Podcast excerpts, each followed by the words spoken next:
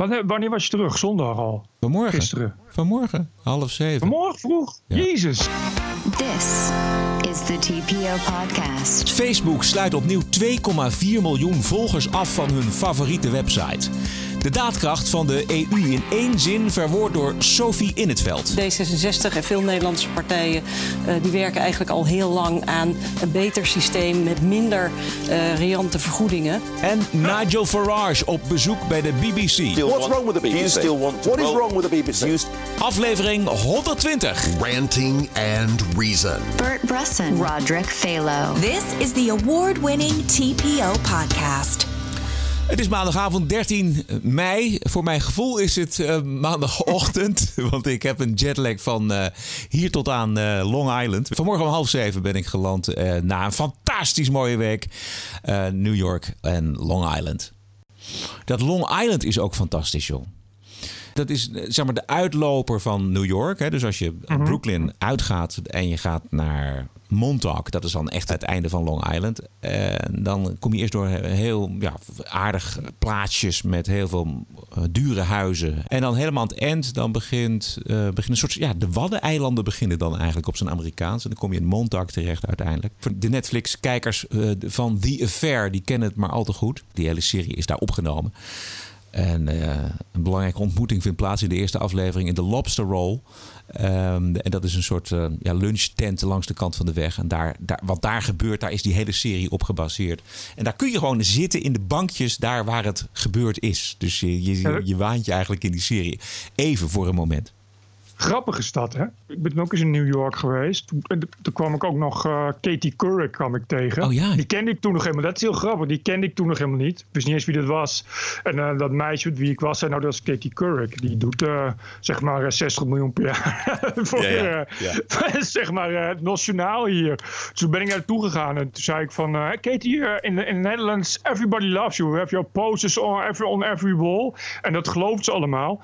en toen heb ik een foto met haar gemaakt zo'n selfie. Ah, leuk, dat is allemaal heel grappig, maar dat is, dus, weet je, je komt daar en het is er gewoon inderdaad allemaal net als in de film. Je kan ook gewoon het is daar gewoon. Die mensen wonen ook daar gewoon. Ja. Want voor hun is dat gewoon hun leven. Ja. En dan voor ons als uh, middelmatige Hollanders is dat allemaal heel gaaf. Wat voor die lui daar volgens mij heel raar is. Ja, ja, wij zijn ook in de Meatpacking District geweest. Dat is zeg maar de, oh, ja. de hippe plek nu ja. die helemaal verbouwd is. Vroeger werden daar inderdaad uh, vleeswaren ingepakt. Dus liep daar een trein die de aanvoer van vlees en andere etenswaren voor de hele stad zo'n beetje. Dat was de plek waar die treinen binnenkwamen. Maar het is helemaal hip nu natuurlijk. En dat is ook de plek waar uh, Sex in the City is opgenomen volgens mij. Dus daar, ja. ik, die serie heb ik dan weer niet gevolgd. Maar dat is in ieder geval waar de fans heen gaan van Sex in the City, de Meatpacking District. Ik heb dat ook gedaan, maar ik vond wel een beetje dat ik er was. Ik dacht, oké, dit is het. Je, het is gewoon, het heeft zo'n naam. Ik ben ook naar Hell's Kitchen geweest. En, maar ja, dan ben je daar. Na tien minuten denk je, oké, Weet je, die naam die roept dan van alles op, maar uiteindelijk is het niks. Ik kan wel in Hell's Kitchen raak ik aan de, aan de praat met, een, met zo'n straatmuzikant. Toen ben ik in zijn appartement geweest. Uh, en dat was gewoon een, uh, ja, een mild gekkie. Maar die had ook een uh, eigen ondergronds blaadje en zo. En die geloofde ook in conspiracies. Dat vond ik dan wel grappig. Dat je gewoon ja, die mensen daar op straat kun je gewoon een beetje. Het is veel, veel, uh, heel, veel rarer, opener dan in Nederland. Zeg maar. je daar, als je daar een gesprek voert met die mensen, is dat toch een beetje anders dan dat je in Nederland. Ja, een beetje minder awkward is het. Die mensen ja. zijn wat meer bereid om gewoon een discussie aan te gaan. Ja. Het is, je kan niet zo snel een hele rare vraag stellen. Dat had ik een beetje. Ja. Over discussie gesproken. Ik, ik ben ook naar de, naar de Trump Tower geweest. Dat was grappig. Ja, dat is heel grappig. Omdat daar uh, twee, de twee partijen, de, de pro-Trumpers en de, de anti-Trumpers, naast elkaar staan te demonstreren. Dat is heel grappig. Vlak voor die Trump Tower op de hoek bij Central Park. Om de vijf minuten is daar een discussie aan de gang. Niet tussen die twee partijen, maar gewoon door de mensen die langslopen. Want de ene heeft oh, ja. daar wel een opmerking over en de andere heeft, uh, heeft over de andere groep wel een opmerking. En het zijn dan echt meteen dus. echt felle debatten gewoon, felle, felle discussies. Exact. Ja. Het is, maar dat, dat leeft dus echt. En in Nederland heb je dat gewoon niet. In ja. Nederland is ja, nee, maar ik vond ook, dat vond ik ook bijvoorbeeld als je een stad als New York, waar natuurlijk uh, 24 uur per dag extreem druk is in het verkeer. Dus ook veel, uh, uh, veel agressie. Maar het is toch anders. In Nederland gaat dat vaak heel ver. En ik vond dat je daar zag, uh, ze werken veel met middelvingers en schelden. Maar ze komen er ook snel weer uit. Zo. Dit is allemaal een beetje op elkaar afgestemd. En dat komt volgens mij, Bert, omdat mensen gewoon eigenlijk door willen, weet je. Het, het, het, gaat om het tempo. En ze hebben dat helemaal geen... ja, ja, ja, ja, ervan. Ja. Het was altijd doorgaan. Het is altijd, dat vond ik zo lekker in New York. Dat ook, het is knetterdruk op de roltrap in de metro. Maar het is altijd door, door, door. Weet je? Is, terwijl in Nederland gaan mensen stilstaan. Ja. Bovenaan de roltrap. Weet je, aan de linkerkant en zo. En Het is altijd een beetje getreuzel. En mensen die voor je gaan staan. Dat heb je daar niet. Het is inderdaad altijd snel, altijd weer door. Er is altijd wel weer wat te doen. In de restaurants ook. Weet je, als je er zit je moet weer weg. Want die restaurant uitbaten wil, wil al zijn tafels elkaar minimaal vier keer verkopen. Anders kan hij de huur niet betalen. en dat levert dus, op dat je ongelooflijk goed wordt geholpen. He, in, in, in, in Nederland moet je, ja, ben je lastig als je wat wil bestellen. met je hand op. En, en in Amerika krijg je niet eens de kans om, om personeel te roepen. Want die staan al gewoon voor je. En huppatee, daar kan je zitten. En je wordt heel vriendelijk eh, geholpen. Ik, wat mij opvalt is natuurlijk dat er. Eh, kijk, er zijn natuurlijk heel veel zaken niet goed geregeld in Amerika. Zoals een betaalbare ziektekostenverzekering of uh, onderhoud aan, aan snelwegen. Uh, de hoop gaten ook in de wegen. Maar er is ook wel heel veel wel goed geregeld. Beter dan bij ons. bijvoorbeeld die service waar we het al over hadden. Taxichauffeurs ook. autoverhuur. Wij hadden een, ik had een ongeluk. Niet mijn schuld, maar er reed iemand achter mij op. Niet heel veel schade. Dat wordt zo snel afgehandeld bij die autoverhuur. En die zeggen gewoon ja. ja, maar u bent verzekerd dit en dat, dus en zo. Klaar, geef maar hier. En uh, wij regelen het wel. Nee, maar dat is, ik vind dat je in New York, dus inderdaad naast die downside, ook, ook ja, echt de, de ultieme goede kant van die vrije markt ziet, van het kapitalisme. Ja. Dat je inderdaad, je service is altijd top. Je, als er, is, je kan 24 uur per dag letterlijk altijd overal terecht. Je kan alles krijgen wat je wil. Ja, waarom? Omdat het zichzelf dus in stand houdt. Ik zat wel te denken, dat lijkt me echt verschrikkelijk. Dat je dan in zeg maar 30 jaar New York hebt gewoond. Dat je dan als expert naar Amsterdam moet. En dat je dan in Amsterdam in een restaurant gaat zitten. Ja. Dat je echt niet, niet weet wat je overkomt dan. Ja, ja. Nou, het, het, grappige was, ik moest denken wat jij had, had over de ontmoeting met Katie Couric. Dat ik op JFK op de terugweg, toen dacht ik dat ik daar Anderson Cooper zag zitten. Die CNN-anker met dat grijze haar. Op een gegeven moment stond hij op en ik dacht, nou, als ik het niet vraag, ik liep naar hem toe en ik zei: You're Anderson Cooper. En toen moest hij lachen en toen zei hij: No, I'm not. But hè, ik krijg heel vaak deze uh-huh, opmerking. Uh-huh. En ik kreeg een stevige hand van hem. Op Schiphol kom ik hem weer tegen. Staat hij bij dezelfde uh, bagageband. Hij zat dus in mijn vliegtuig. En toen heb ik nog even een, een, een, eh, een, gesprekje met hem gehad. Dat hij inderdaad heel vaak wordt aangesproken als Anderson Cooper. Maar dat hij dus een Amerikaan is, een expat die in Amsterdam woont. Oh, serieus? Ja. Maar hij vond het ook, uh, hij vond het toch fijn hier. Het is wel grappig als je dan toch op Anderson Cooper lijkt. Dan. Ja. dat je dan uh, overal je komt ook al wordt aangesproken. Ja. TPO Podcast. Um, jij kwam vandaag met dat Facebook, uh, 23 Facebook-pagina's die op de hand zijn van populistische partijen uh, in Italië afgesloten heeft. 23 ja. Facebook-pagina's. Het zou gaan om hate speech en content die verdeeldheid schept over immigranten, vaccinaties en Joden in Europa. Ja. En Facebook bedankt de actiegroep Avas voor de tips. Ja, avaas.org. Ja. Het probleem van Facebook is dat ze zich continu. Uh, ja, ze, ze, halen hun expertise. Eh, omdat ze natuurlijk zelf ook niet weten waar ze die grens moeten leggen. Halen ze de hele tijd van dat soort, dit soort organisaties. Dus avaas.org en uh, uh, Poverty Law Center en dat soort dingen. En, en, dat zijn natuurlijk allemaal per definitie uiterst linkse organisaties.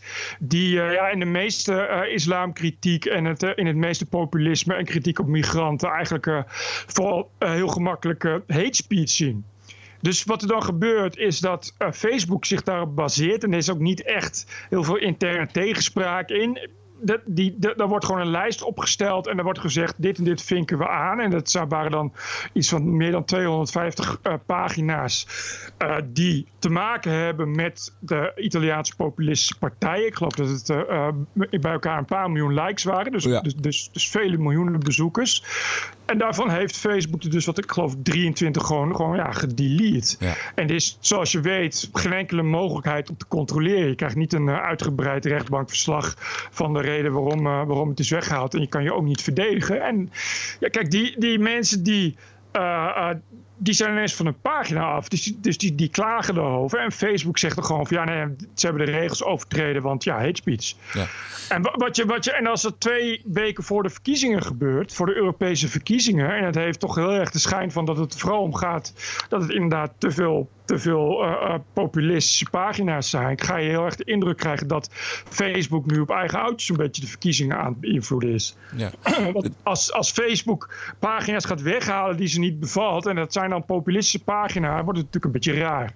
De slagkracht van dat avaas.org, dat is een ongelooflijk machtige online activistennetwerk eigenlijk. Met 52 miljoen leden wereldwijd. En ja, het is puur links activisme. Ja, en die doneren allemaal iets. In Nederland zijn zo'n 700.000 leden. Maar als je dat weet te organiseren via die website van, van Avaas... dus een, een petitie kan starten... en je hebt 52 miljoen leden achter je... dan uh, heb je zo een paar miljoen leden uh, achter je aan in die petitie. Je hebt heel snel een, een grote slagkracht met deze ja. organisatie. Ja. Ja, ik ken ze ook van de persberichten. Meestal gaat het over moslims, dat er ergens moslims zijn gekwetst. Dat, je, dat er dan, uh, uh, ja, ik geloof dat ze inderdaad ook zich, zich ook keren tegen websites die, die niet, niet de goede dingen zeggen. Dus het is echt, echt het, ja, good old linksactivisme is wat ze doen. Dat ken ik ze ook. Daar zijn ze dus inderdaad, ja, als een soort van Greenpeace, maar dan echt inderdaad puur op de social justice onderwerpen. Uh, en het probleem is dus dat, dat organisaties als Facebook, die ja, baseren zich erop. Het is echt wat. Uh, uh, Facebook doet het ook, hè, bijvoorbeeld met, met het nepnieuws. die factcheckers, die komen allemaal van Pointer, pointer.org. Pointer is, is ook zo'n organisatie die je uiteindelijk uit die hoek komt. Die hebben laatst ook weer een blacklist opgesteld van uh, nepnieuws sites. En er stond ook letterlijk bij dat je als adverteerder beter die sites kan, uh, kan mijden. En er staan dan ook Breitbart op en, en Report. En echt een hele, hele list ook aan, aan conservatieve sites waar echt helemaal niks mis mee is. En zelfs het Nederlandse speld.nl stond erop, wat ik toch wel heel erg grappig vond. Dat was namelijk van de 650 websites de enige met een .nl domein. omdat speld .nl natuurlijk een satirische site is. Uh, die als je dat niet door hebt. En die wordt natuurlijk nog steeds regelmatig opgevat als echt nieuws. Dus kwam die op die blacklist terecht. Ja, en dat is het probleem. En, en uh, um, organisaties als Facebook en ook Twitter baseren zich heel sterk op dat soort organisaties. Die geven eigenlijk al hun checks, uh, ja, hun, hun hate speech, hun moderatie, geven ze uit de handen aan dat soort lui. En ze zijn heel erg gretig daarop, uh, Bert. Want ik heb begrepen dat, dat Facebook in Dublin een soort war room heeft ingericht, zo vlak voor de Europese verkiezingen, om aan al die eisen van de EU te voldoen. Hè? Ja. En, en het blokkeren van hate speech en andere onwelgevallige content. Die hebben, hebben geen zin om nog een keer op de vingers te worden getikt. Of nog een keer een schandaal aan hun broek te krijgen. Dat is inderdaad allemaal sinds, sinds de vorige keer. Hè, sinds het nepnieuwsverhaal. Sinds 2016. Sinds de kritiek die Facebook heeft gekregen. En uh, dus, ze hebben dat bij alle verkiezingen wereldwijd. Uh, ook in Brazilië. Uh, bij, bij de presidentsverkiezingen in Brazilië was die war room er. Die is dus ook bij de Europese verkiezingen. En daar wordt inderdaad alles wordt gemonitord. Vooral dus inderdaad zeggen ze om, om inderdaad de desinformatie in nepnieuws te bestrijden. Uh, en inderdaad uh, politieke advertenties te verwijderen die in strijd zijn met de regels, et cetera, et cetera. Uh, ja, en daar zijn ze heel blij inderdaad met, met ja, partijen die zich afficheren als onafhankelijk, maar dat natuurlijk in wezen helemaal niet zijn. Ja. Je, en het probleem is natuurlijk dat er niet echt partijen tegenover staan. En dan kom je natuurlijk altijd weer uit ja, op dat het, dat het vooral conservatieve en populistische dingen zijn die als eerste worden gecensureerd. Ja. Ja. En nog, nog meer blokkades en censuur. Bart Nijman, wat is daarmee aan de hand? Dus dat is precies hetzelfde. Die werd ook, uh, uh, die kreeg uh, geloof ik zo'n ban van een week of, of, of 24 uur weet ik wat op Twitter. omdat volgens de algoritmes van Twitter hij een negatief verkiezingsadvies had gegeven. hij had gewoon een grapje gemaakt met, met, stem niet op de EU, weet ik wat. Maar weet je, er was gewoon iets wat verder niet, geen invloed had of niet van belang is. Maar dat algoritme, dat, bij Twitter is dat hetzelfde. Ze zijn heel voorzichtig met het tegengaan en bestrijden van, van desinformatie en nepnieuws. Dus dan wordt zo'n algoritme wordt je gewoon uitgelicht. Dan word je gewoon automatisch wordt je, wordt je geband voor een week. Weet je? Of, of voor een dag. Terwijl, uh, ja, als hij een blauw vinkje had gehad, wat hij niet heeft, dan kijken ze dat nog persoonlijk na. Dat is nu niet het geval. Maar het was echt, er stond niks. Het was, het was gewoon een soort grapje, een soort, soort reactie op iemand. waar dan toevallig ook een hashtag in staat die, die, die, die, die dan volgens Twitter niet kan. Ja. Is, is hij nog steeds? Uh, ge ja, ik, daarna was hij weer geunband naar, naar, naar, een house aan uh, mediakritiek. En toen werd hij weer geband voor een weer andere grap. Dus het wordt wel steeds erger. Even kijken. Maar het is echt, echt, het is echt. Uh, Hella Huuk die, die schreef ook een stuk over in het, in het FD. Ja. En die zei ook al dat ze, dat ze ook al een paar keer geband was op Twitter. Omdat ze het woordje hoor, gewoon het woordje hoor in het Nederlands, H-O-O-R. En dat wordt dan weer opgevat als hoer in het Engels. en dan, weet je, dat soort dingen. Dus het is echt, het wordt steeds moeilijker ook om, om, om iets te doen. En als er dan de duimschroeven worden aangedraaid, zoals nu omdat het verkiezingen zijn. Ja, dat is precies wat we voorspelden. Namelijk dat ze liever heel veel censuur gaan toepassen dan dat ze het risico lopen op, op, uh, op, op boetes en weet ik veel wat. Ja. Laatste tweet van Bart is uh, van vijf uur geleden. Ja, dan is hij weer terug. Dus het wordt dan weer rechtgezet. Maar het zijn dus natuurlijk de algoritmes. Ja. Het grote gevaar van algoritmes. Dat alles, alles, alles automatisch eruit wordt gefilterd. En zie je het dan maar weer eens terug te krijgen. We gaan uh, heel veel aandacht besteden in deze TPO-podcast aan de Europese verkiezingen. TPO Podcast.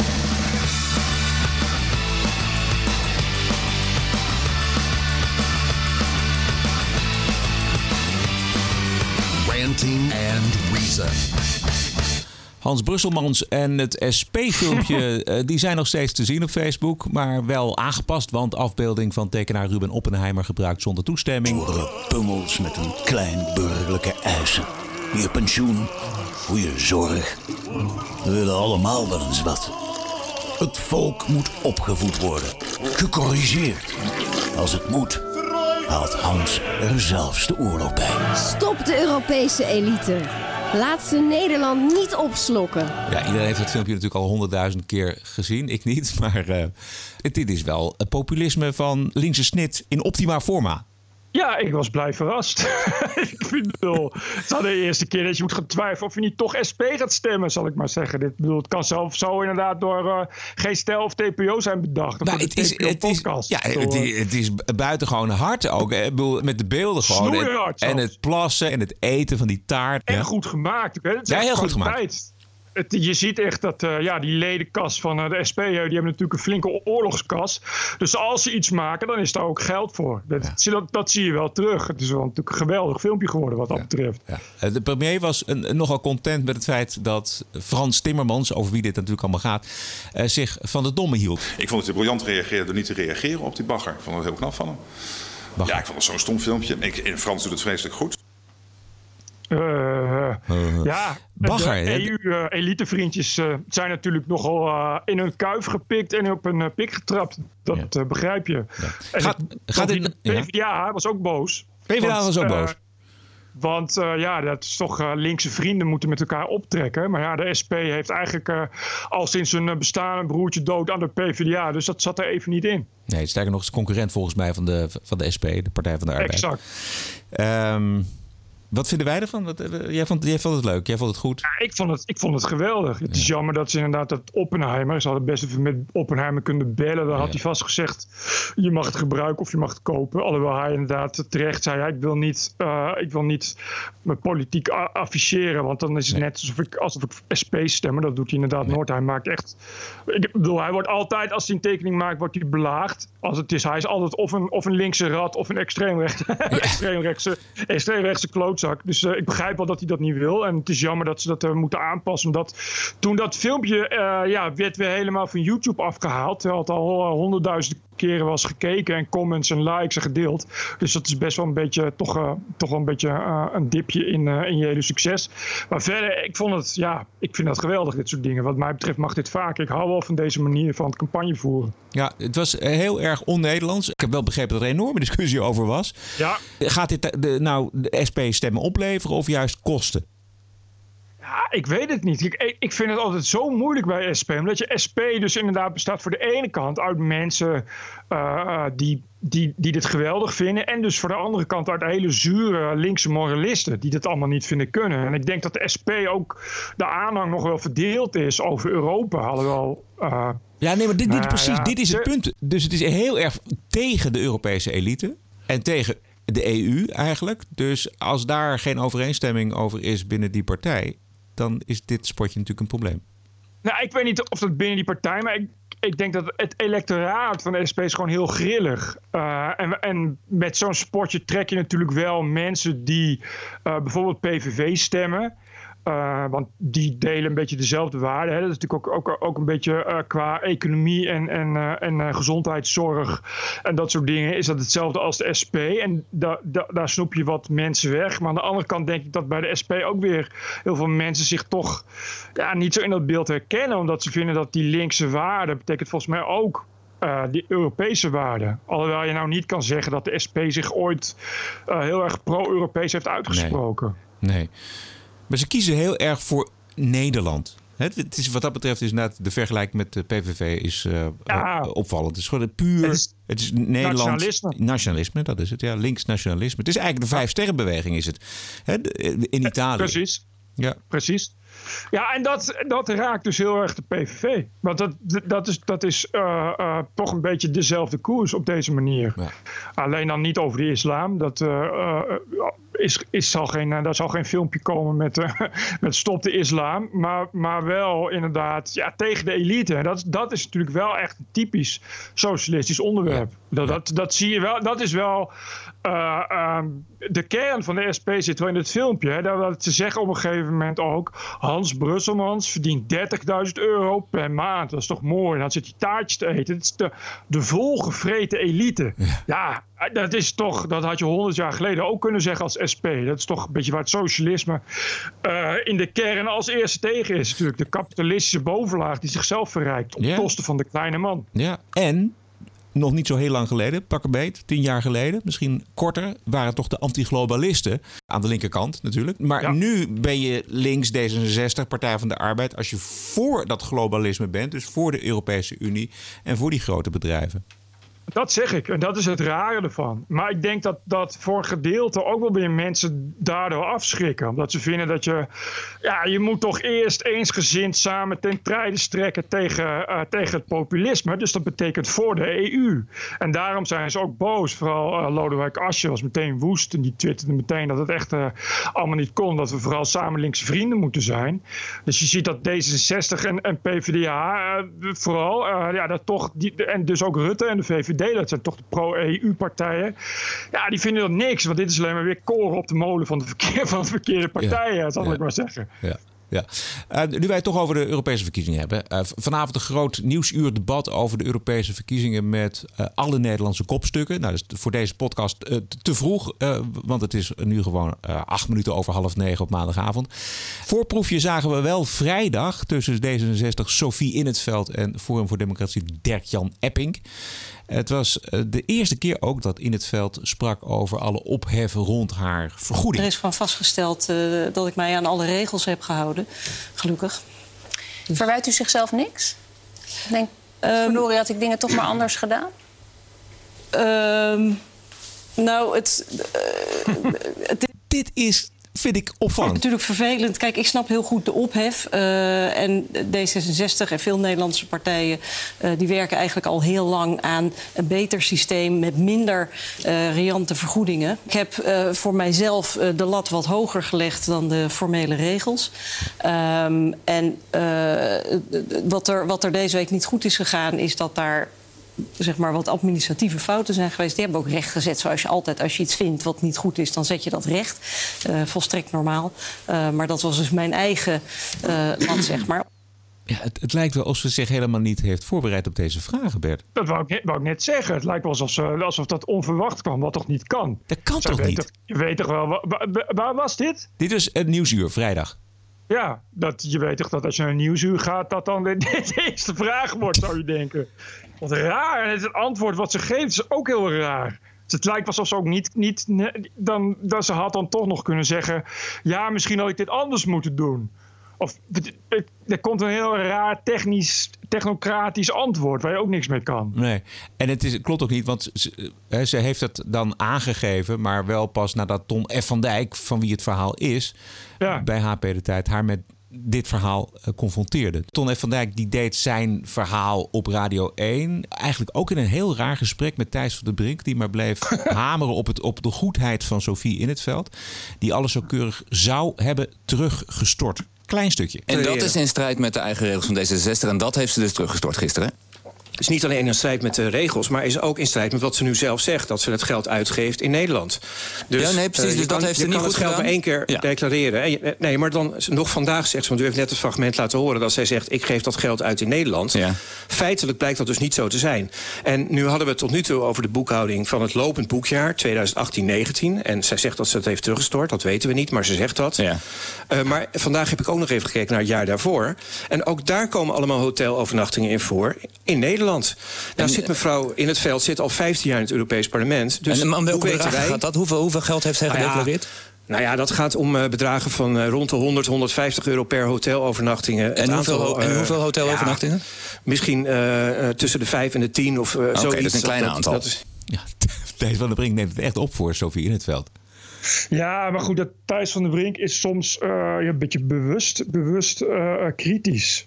Dat je, dat, je, dat, je, dat je denkt, die zit heel erg dan echt expres bewust, uh, is die advocaat van de duivel. Oké.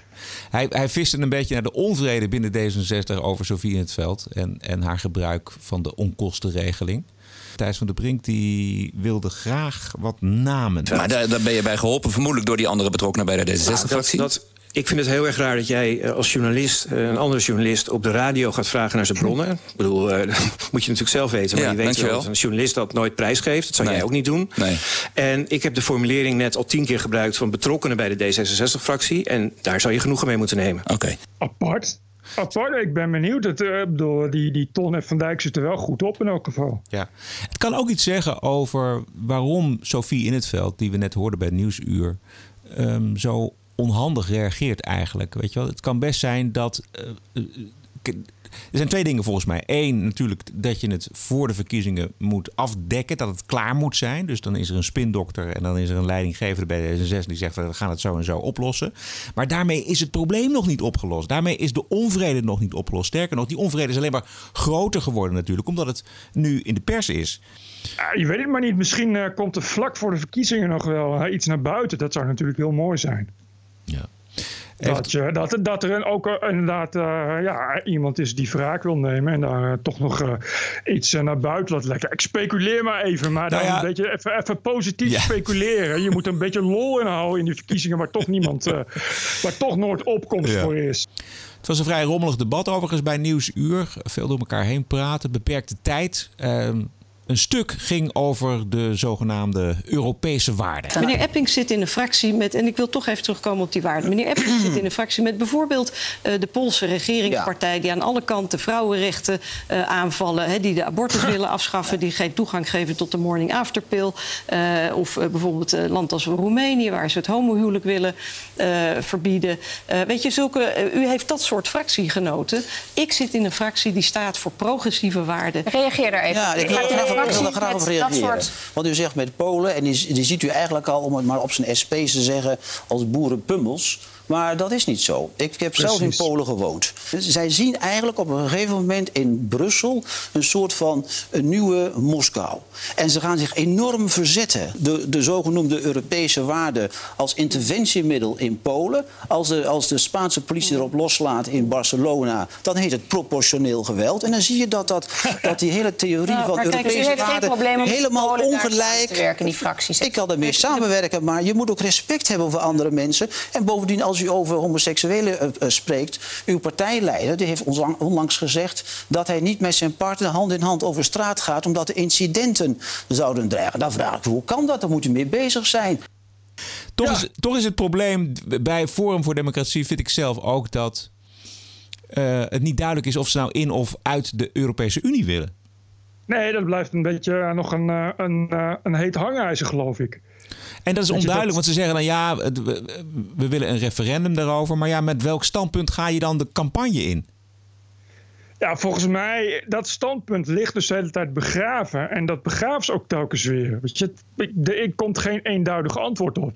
Maar goed, we, uh, uh, ik heb ook niet het idee dat ze uh, een hele het is eigenlijk niet echt een EU-campagne of zo. Je hebt ook echt het idee dat uh, zo'n partij als, als, als uh, uh, Forum voor Democratie, ja, die wilde, wilde Europee, de, het EU-parlement in. Ja, dat, en dat was het wel. Dat is ook een beetje omdat het moet. Dus we hebben zo snel mogelijk, moeten zo snel mogelijk veel mensen. Maar ik heb niet, het idee dat er een uitgedachte strategie is of een uitgedachte campagnestrategie. Nee. Laat staan dat ze inderdaad een hele duidelijke strategie hebben over uh, over Nexit. Ja, maar dat is lastig. Dat is lastig in, in deze tijd. Uh, waarin we Brexit-achtige toestanden zien. En mensen daar natuurlijk, denk ik, uh, geen zin in hebben.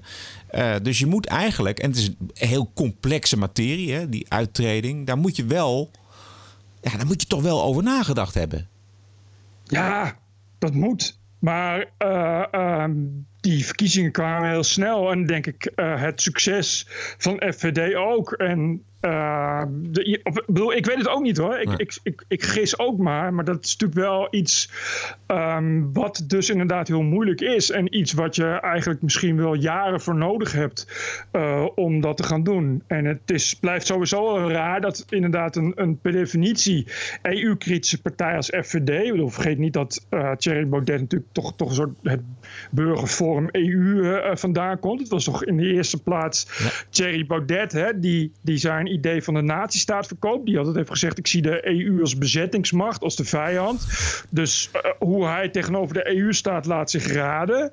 En die dan inderdaad toch dan meedoet met de EU-verkiezingen om naar het EU-parlement te gaan. Waarbij je als kiezer dus afvraagt: moet je dan überhaupt wel meedoen aan die verkiezingen? Want waarom zou je meewerken aan een, een parlement waar je eigenlijk niks mee hebt? Nou ja, om oppositie. Je, om oppositie dat, is, dat is wat die Epping heeft gezegd. Precies, we willen zo precies. groot mogelijk oppositie om op de rem te staan.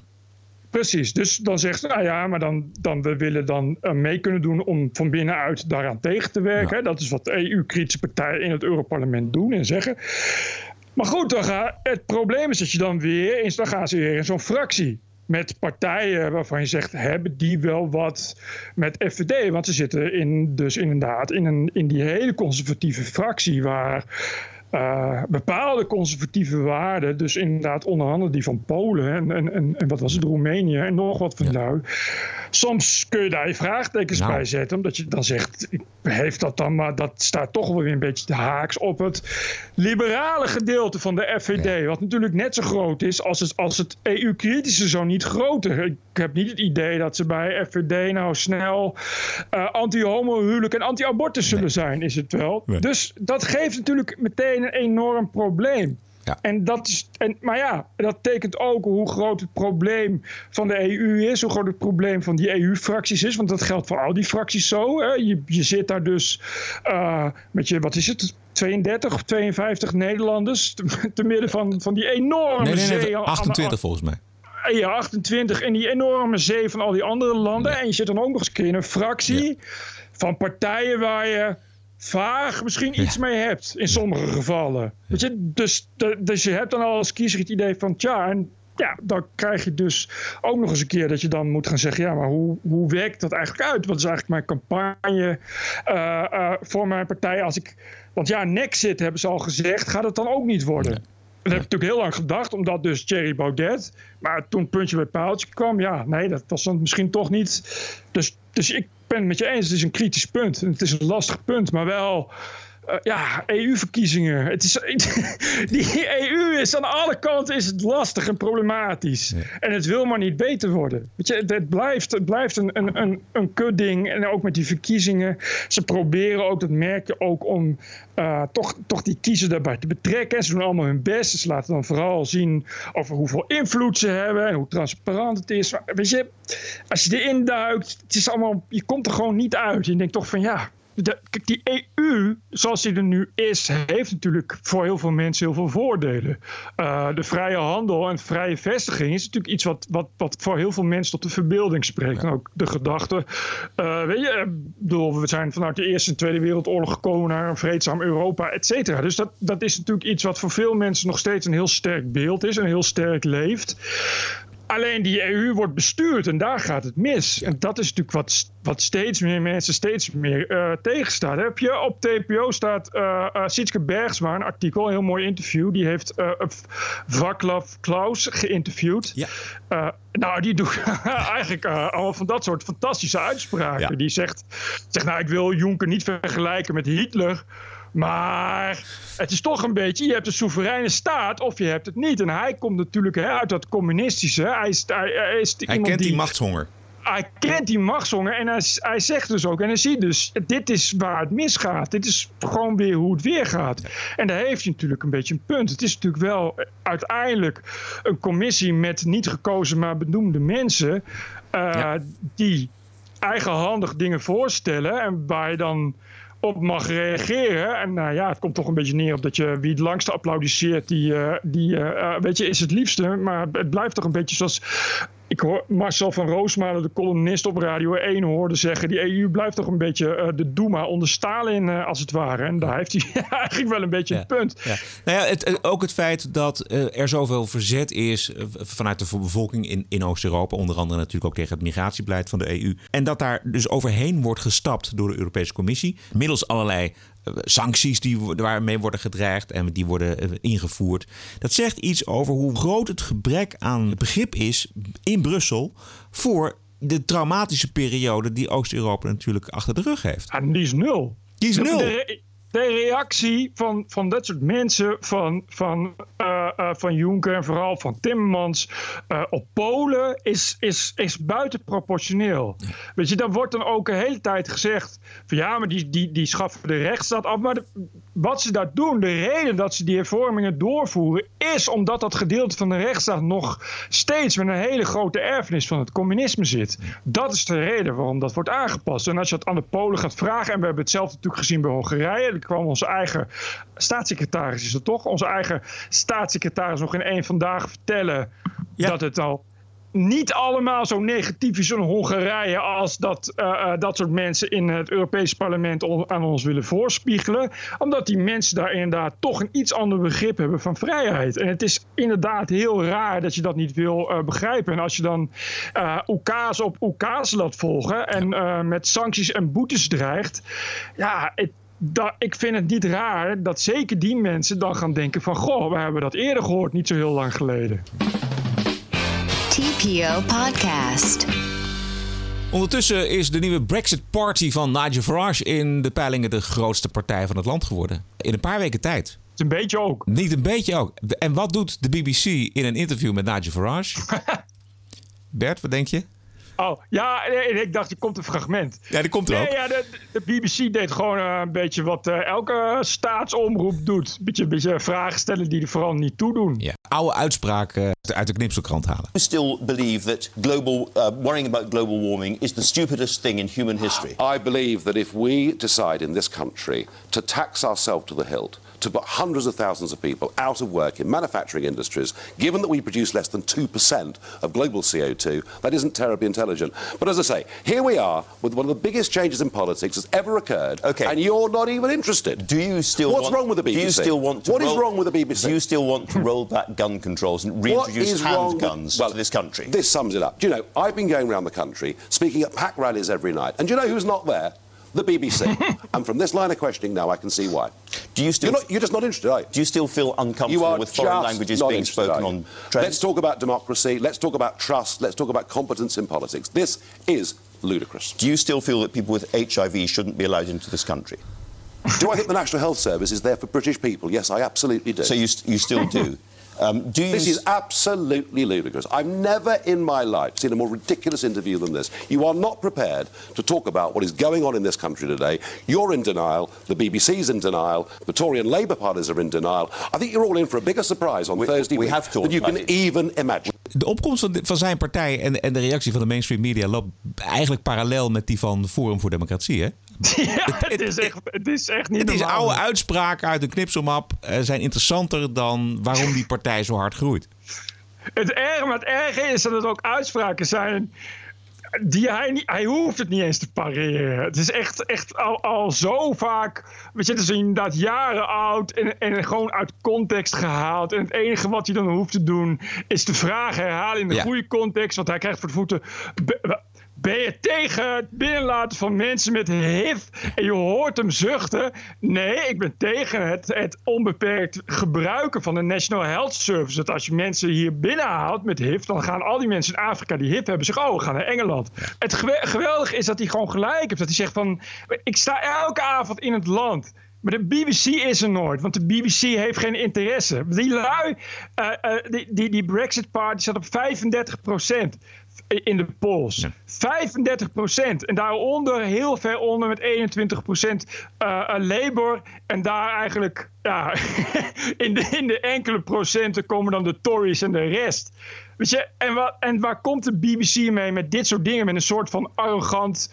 Uh, moralistisch vragen stellen die je inderdaad tien jaar geleden eigenlijk al niet meer kan stellen. Het toont de afstand tussen de BBC in dit geval en waarom mensen voor die populisten kiezen. Ja, en het toont dus aan waarom mensen geen vertrouwen meer hebben in de media. Nigel Farage hoeft alleen maar in te gaan op interviewverzoeken van de BBC en verder niks te doen om zijn punt te maken. Ja. En dat is dus inderdaad exact hetzelfde als in Nederland. Je hoeft alleen maar Prem Radakishun in de wereld draait door de avond voor de verkiezingen te zetten. En uh, uh, Forum voor Democratie wint drie zetels extra. Ja. Nog een paar vragen, relevante vragen van de BBC. Ja, heb je die? Ja, komen ze. Do you still admire Vladimir Putin? No. I've never admired Vladimir Putin. You, well, you asked, I said I wouldn't like you to his which country. current world leader you most admired. You told GQ magazine as an operator, but not as a human being, yes. I would say well, Putin. The way he so played the whole so Syria thing, not as a human being. So I don't like. As a, I don't like him as a human being. What is your question? What is the relevance of this? I'm, try, I'm, I'm, trying to, I'm trying to no, no, work out who you are and where the well, Brexit Party, which wants to destroy the you system, asked, is you going. haven't asked about a single other member of the Brexit Party. You haven't commented on the fact we've got the most diverse list of candidates of any party fighting in this election. From the Revolutionary Communist Party right through well, to the right. Well, that's worth discussing, isn't it? How have we managed to get left and right together? These things are really interesting to your viewers, not trawling back through a series of quotes from years ago. Waarom kom je dan steeds terug op die knipselmap? Ja, dit is, maar het is gewoon slecht. Het is slecht. En het heeft, en het heeft ook te maken met ja, met het beeld wat ze zelf gecreëerd hebben. Van je, van je hoeft alleen maar inderdaad te laten zien uh, in framing en out of context wat voor een slechte dingen de gemene man heeft gezegd. En meer hoef je niet te doen. Het is echt een opvatting dat je bepaalde mensen, ja, die moet je gewoon bestrijden. Daar hoef je dus geen kritische vragen aan te stellen. En al die mensen, en bij allemaal hebben toch al heel lang geroepen, uh, dat je daardoor ja, die mensen juist meer macht geeft. Nou, en voilà. Weet je, en nog steeds hebben ze het niet door. Nog steeds komen ze hiermee aan. Nog steeds vinden ze bij de BBC, ja, als Nigel Farage komt, dan moet je gewoon zeggen dat hij, uh, dat hij pro-Poetin is en dat, ja. hij, dat hij heeft gezegd dat hij mensen met HIV, uh, dat hij die niet het land binnen wil laten en noem allemaal maar op. Ja. Um, even kijken, ik heb nog een dolfijn, een witte dolfijn. Hm. Ja, dat was lachen. TPO Podcast. De inmiddels beroemde witte dolfijn wil de wateren van Noorwegen maar niet verlaten. En is nog altijd uh, niet zeker wat nou precies het, het beest behelst. De witte dolfijn als spion, dat is natuurlijk het leukste verhaal. Vissers in Noorwegen hebben een Russisch wapen aangetroffen. Een witte walvis. Some speculate the white whale may have escaped from a Russian military facility. A fisherman jumped into the frigid water to remove the strap, which had the words Equipment St. Petersburg on it. Daarom wordt gedacht dat de dolfijn van de Russische marine is, want die gebruikt dolfijnen. Uh, Terry, that is something out of a movie script or right? something like that. That's super weird. I hope we get more information on that. Thank you I so know, much. my favorite story. Yeah. yeah. Favorite story. Dit is toch Suske en Wiske en de doldwaze dolfijn, man. Dit is... De, ze treffen waarom, een, Bert? Een, waarom, waarom? Ze, ze treffen een witte dolfijn, of iets wat op een dolfijn lijkt. Ja. En die heeft een ding om. En omdat daar Sint-Petersburg op staat... Is het, wordt het echt binnen no time werd het opgeblazen tot een getrainde door de dolfijn, dolfijn die komt spioneren. Terwijl je, dat verzin je toch niet? Jawel. Als je, als je dat al denkt, dan ga je toch eerst serieus op onderzoek uit. Maar het werd echt de, de, CNN heeft echt acht of negen topics aangeweid. Inclusief dolfijnendeskundigen, uh, uh, trillenschrijvers en, en uh, spionagedeskundigen. En allemaal gebaseerd op het feit dat de Russische marine dolfijnen gebruikt. Joh, die zullen ze voor verschillende doeleinden inzetten, maar spionage. Ik zou er wat langer over nadenken. En dat er Sint-Petersburg op stond. Weet je, het is echt, het toont aan wat voor totale hysterische gekte de media ineens kan, kan, kan, kan omslaan. Als er iets, iets is wat gewoon te mooi is om te laten liggen. Ja, en jij denkt dat dat ook wordt ingegeven door een soort Russofobie? Ja, tuurlijk. Dat het past in het, in, het, in het narratief. Dit verzin je toch niet. Weet je, een, een dolfijn. Ze hebben er ook één. Weet je, als je er nou honderd hebt, dat je in elke, elke, elke van, je, van, je, van je westerse kustplaats in je haven ineens een dolfijn aantreft, zou je zeggen: God, er is wat aan de hand. Dus één dolfijn. Weet je, die kunstjes kan. Dan denk je toch hey, het komt uit een dolfinarium. Er staat Sint-Petersburg op. Zouden ze in Sint-Petersburg een dolfinarium hebben? Dat zou ik dan denken. Of je, je denkt toch, dit is iemand speelgoed wat dan toevallig uh, hier is. Nee, nee, het is een spionagedolfijn. Ja, dolfijnen worden wel degelijk militair ingezet, Bert. Russian President Vladimir Putin once fed the dolphins at this aquarium near Vladivostok. Now the leader is looking to recruit several of the marine mammals for his military. According to state media, the Russian Defense Ministry is looking for five bottlenose dolphins for military duty. Dolphins have been used in wartime before by Soviet Russia during the Cold War and more recently by the US, helping search for underwater mines in the Persian Gulf during the Iraq War. Excellent. The US military has also trained dolphins and sea lions to perform tasks like detecting enemy submarines and to patrol the waters around naval bases, protecting against potential terror threats. Ja, om, om dus inderdaad dingen op te sporen. Precies zoals honden doen. Dus je kan ze inderdaad trainen om zo'n rondjes te laten zwemmen voor je haven. En op het moment dat er een boot aankomt, uh, uh, zit daar een zendertje op en kan zo'n dolfijn uh, een, een, signaal uitgeven. Ja. Maar je denkt toch niet dat de Russen een dolfijn hebben die op eigen houtje naar een of andere, een of andere basis zwemt om daar als een soort zwemmende James Bond informatie te vergaren? Dat denk je toch Weet je, het punt is ja. dat dit allemaal ook wat je net hoorde, het is allemaal uh, propaganda. Weet je, dit is allemaal, driekwart is het allemaal gelul. En dat doen militair expres, omdat je de hele tijd dit, dit soort afschrikkingseffect. Weet je, je denkt toch niet dat, dat Poetin en de Russen serieus een dolfijn hebben getraind en naar het westen hebben gestuurd? Nou, nee, dat is inderdaad even de vraag. Maar dat dolfijnen worden ingezet, dat, daar is iedereen het over eens. Dat, dat wordt ook gewoon ronduit toegegeven, ook door de Amerikanen. Het zijn hyperintelligente beesten, dus die kunnen ook worden getraind in dit soort klusjes. Maar de vraag is of je inderdaad eh, één zo'n walvis die hele afstand kunt laten afleggen naar eh, de Noorse wateren en daar kunt laten spioneren voor de Russen. Ik blijf bij het. Is echt, ik vind het echt een Suske en Wiske verhaal. Ik vind het, ik slaat nergens op en het is absurd zoals de media ermee omgaat. Weet je, het is een leuk verhaal op pagina 7, uh, eh, onderaan in de krant. Nu ook nog dit. Weet je, en, da, en, als, dat, daar kun je er inderdaad een grappig verhaal bij bedenken. Met een knipoog zeggen, zouden het de Russen zijn? Maar dit wordt gewoon allemaal serieus uitgemaakt. En, maar ik begreep trouwens dat ze nu toch al hadden bedacht dat het een uh, therapievis was. Van een of andere uh, organisatie. Ja, dat is een journalist van een Noors visserijmagazine. Die heeft inderdaad uh, gezien dat ja, het harnas van het beest gebruikt wordt in therapie met kinderen. En dat ook zijn gedrag daarop duidt. Maar dat is ook niet meer dan een theorie. En wat ik nog wel opvallend vind, is dat hij had dus een Russisch tuigje om. Uh, maar vervolgens uh, horen we uit Rusland helemaal niks. Weet je wel? Niet eens een dolfinarium die zegt dat we zo'n beest kwijt zijn. Een nee, dat zou ik ook niet doen. Nee? Nee, voor Poetin is het allemaal prima. Want je, het Kremlin, de Kremlin lacht zich ten eerste de ballen uit de broek. En ten tweede is het natuurlijk... Is het, kijk, dit, het gaat nou precies om dit soort, uh, uh, dit soort desinformatie is nou precies waar het om gaat. Op het moment dat jij de vijand kunt laten denken dat jij getrainde dolfijnen hebt, die je naar je haven kan laten zwemmen, is gelopen koers. Dat moet je zo houden. Poetin heeft nu, ze, de, die hebben ze, de Russen hebben een, een soort superdrone voor onder water. dat ding is zelfstandig. En dat ding kun je dus ook zelfstandig vanuit de haven van Vladivostok naar de haven van Boston laten, laten varen. Onder water, dus, dus er komt niemand achter. En Poetin heeft gezegd, ja, er kan ook een 100 megaton kernbom op. Maar 100 megaton, als je die in de haven van Boston laat ontploffen... Nou, dan is verder de hele oostkust weg. weg. Weet je, dus het slaat nergens op. En dan blijkt ook dat in werkelijkheid wordt dat ding, eh, eh, gaan ze inzetten voor onderwater reparatiewerkzaamheden. Het is gewoon een handige drone. Maar je, alles wat je doet, moet je, moet je uh, zeg maar, theoretisch moet je bewapenen. Dus als je een, een therapiedolfijn los hebt zwemmen... en een of andere Jan Joker gaat roepen dat het een Russische spionagedolfijn is... dan zou ik dat vooral zo houden. Dat is hoe je, dat is hoe, dit is nou hoe je Koude Oorlog voert. Hoe je trolt. Hoe, dit is inderdaad hoe je trolt, ja. Ik weet niet hoeveel luisteraars wij in Amerika hebben, maar in ieder geval twee. En ik wil even Kees, Kees en Sabine bedanken voor uh, de gezellige borrel op de 60ste verdieping van een, uh, een of andere wolkenkrabber in de Financial District van New York. Dat was ontzettend leuk. Ja, we hebben nog één luisteraar in Harlem. Maar ik kan niet zeggen. Die wil anoniem blijven. Oh, die wil anoniem blijven. En we hebben er één in Los Angeles volgens mij. Oh, Hein. Hein. Hein, ja, Hein luistert. Hein luistert ook. Ja, goed.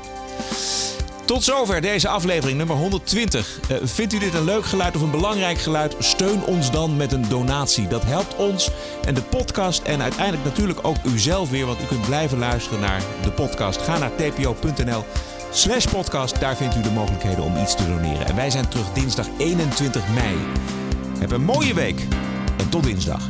PPO tegenlicht. Ik zag dat jij daar ook over twitteren. Heb ik nog last van. Jezus, Mina, wat een, wat een agressie roept dat weer op bij een hoop mensen. Serieus? Ja. Nou, daar hebben ook een hoop voorstanders, leek Ja, mij. ook een hoop voor. TPO Podcast. Bert Brussen, Roderick Balo, Ranting and Reason.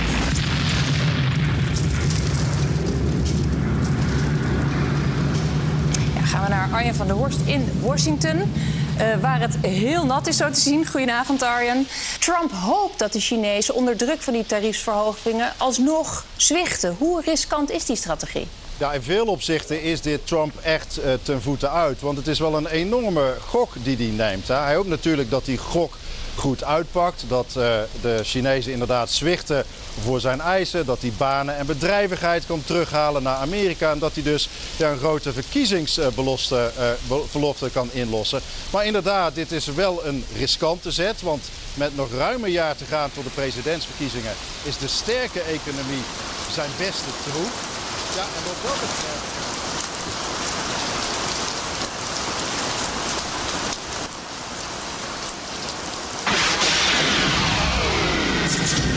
TPO Podcast. The award winning TPO podcast can be heard on the No Agenda stream at noagendastream.com.